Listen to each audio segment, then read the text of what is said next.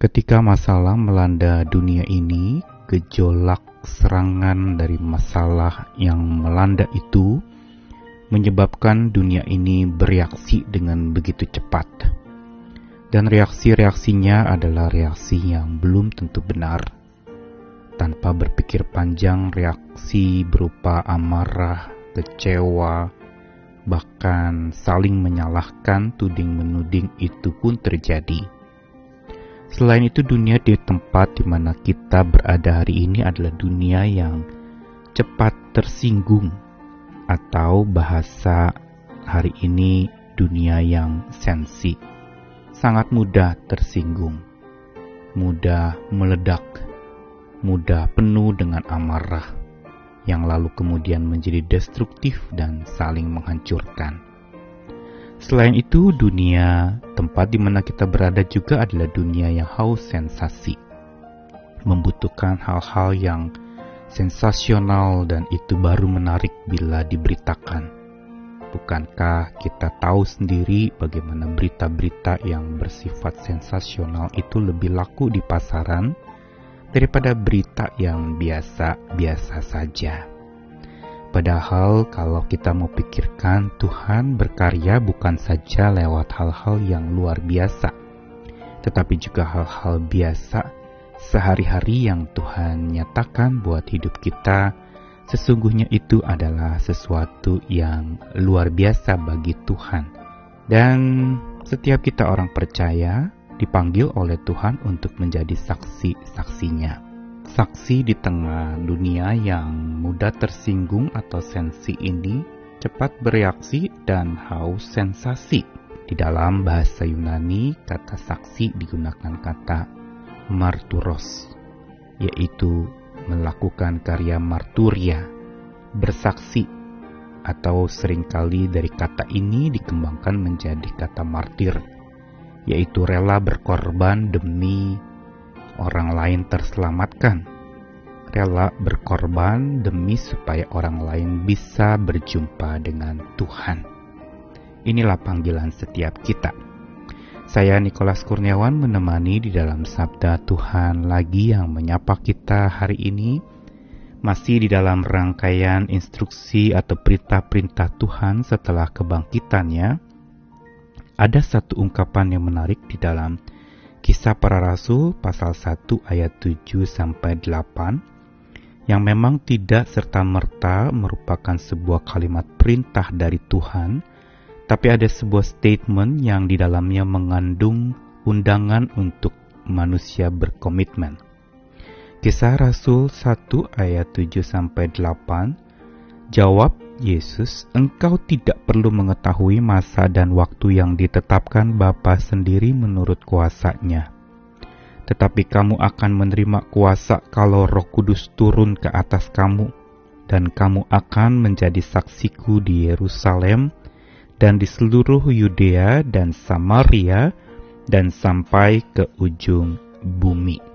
Bila membaca rangkaian ucapan Yesus ini, ini adalah ungkapan Yesus di penghujung penampakan-penampakannya kepada para murid. Kali ini sebelum ia naik ke surga ada sebuah ungkapan yang memang bukan kalimat perintah, tetapi justru menunjukkan satu sebutan atau panggilan berkaitan dengan identitas para pengikutnya, yaitu kamu adalah saksi-saksiku atau kamu akan menjadi saksi-saksiku.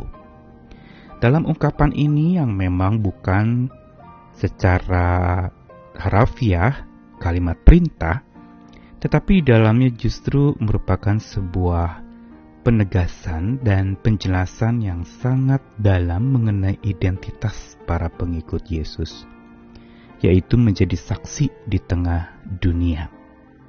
Ketika Tuhan Yesus menggunakan istilah saksi, berarti orang-orang ini adalah orang-orang yang pernah mengalami berjumpa dengan Tuhan secara langsung dan lalu diutus untuk menyaksikan apa yang dia lihat, apa yang dia dengar, dan apa yang dia terima sebagai pembelajaran di dalam hidup mereka. Inilah sebenarnya yang dimaksudkan dengan bersaksi, yaitu menyampaikan apa yang dia lihat, apa yang dia dengar, apa yang dia rasakan, dan dia alami kepada orang lain. Dan saksi tentu saja perlu seseorang yang punya sebuah keyakinan teguh, bukan menjadi saksi yang sangsi, ragu terhadap apa yang dia saksikan Kesaksian yang Tuhan inginkan untuk supaya kita bagikan kepada orang lain memang bukan sekedar perkataan, tetapi bisa pula berupa sebuah perbuatan, sikap hidup, bentuk perhatian, pelayanan, dan masih banyak lagi aktivitas-aktivitas bersaksi bagi banyak orang. Kata yang penting adalah tidak sanksi punya keyakinan yang kuat tentang Tuhan yang dikabarkan kepada banyak orang itu. Dan agar supaya kita bersaksi tanpa sanksi, kita bukan saja bicara tentang Tuhan dan bagi Tuhan, tetapi perlu untuk supaya tidak sanksi kita perlu melakukan kesaksian itu bersama dengan Tuhan. Karenanya di dalam ayat tadi dikatakan bahwa engkau akan menerima kuasa kalau Roh Kudus turun ke atas kamu.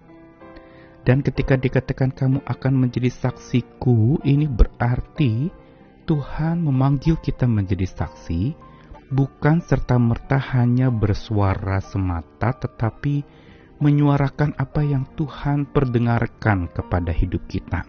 Yang berarti kita tidak pernah diutus menjadi saksi Tuhan sendirian, Tuhan bukan saja mau kita bersaksi tentang Dia dan bagi Dia, tetapi bersama dengan Dia. Karena kekuatan kita berasal dari Tuhan untuk kita bisa menyaksikan tentang Tuhan. Tanpa kekuatan kuasa dari Tuhan, maka kita tidak mampu, mungkin takut, mungkin tidak tahu bagaimana caranya, mungkin merasa tidak layak atau berbagai macam alasan-alasan lain yang dikemukakan, yaitu bila seseorang bersaksi tanpa Tuhan, maka akan banyak alasan demi alasan. Tapi bila seseorang bersaksi bersama dengan Tuhan dan oleh kekuatan kuasa Tuhan, maka ia tidak pernah akan sanksi lagi saat menyaksikan kasih Tuhan kepada banyak orang.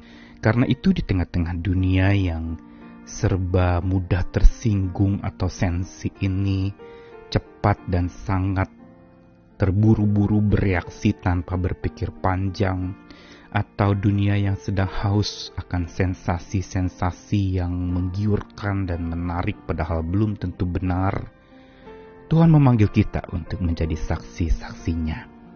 Karena itu pergilah dan jadilah saksi Tuhan di mana pun engkau berada, dalam keadaan apa pun juga, dan juga dalam berbagai macam bentuk-bentuk kesaksian yang dapat kita lakukan. Tuhan sangat paham keterbatasan kita, karena itu dia bekali kita dan dia temani kita dengan kehadirannya, dengan kuat kuasanya. Dia akan memampukan kita untuk bisa melakukannya. Karena itu mari kita pergi bersaksi tanpa sanksi karena Tuhan selalu menemani hidup kita.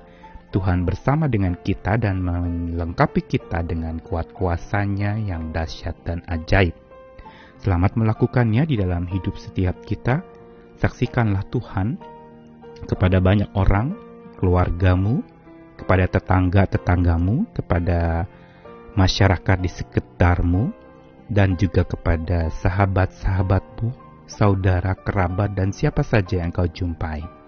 Jadilah saksinya, karena Tuhan mengatakan bersaksi bukan sekedar pergi melakukan, tetapi itu adalah identitas dan jati diri kita. Kamu adalah saksi-saksiku. Selamat bersaksi, Tuhan menyertai. Amin.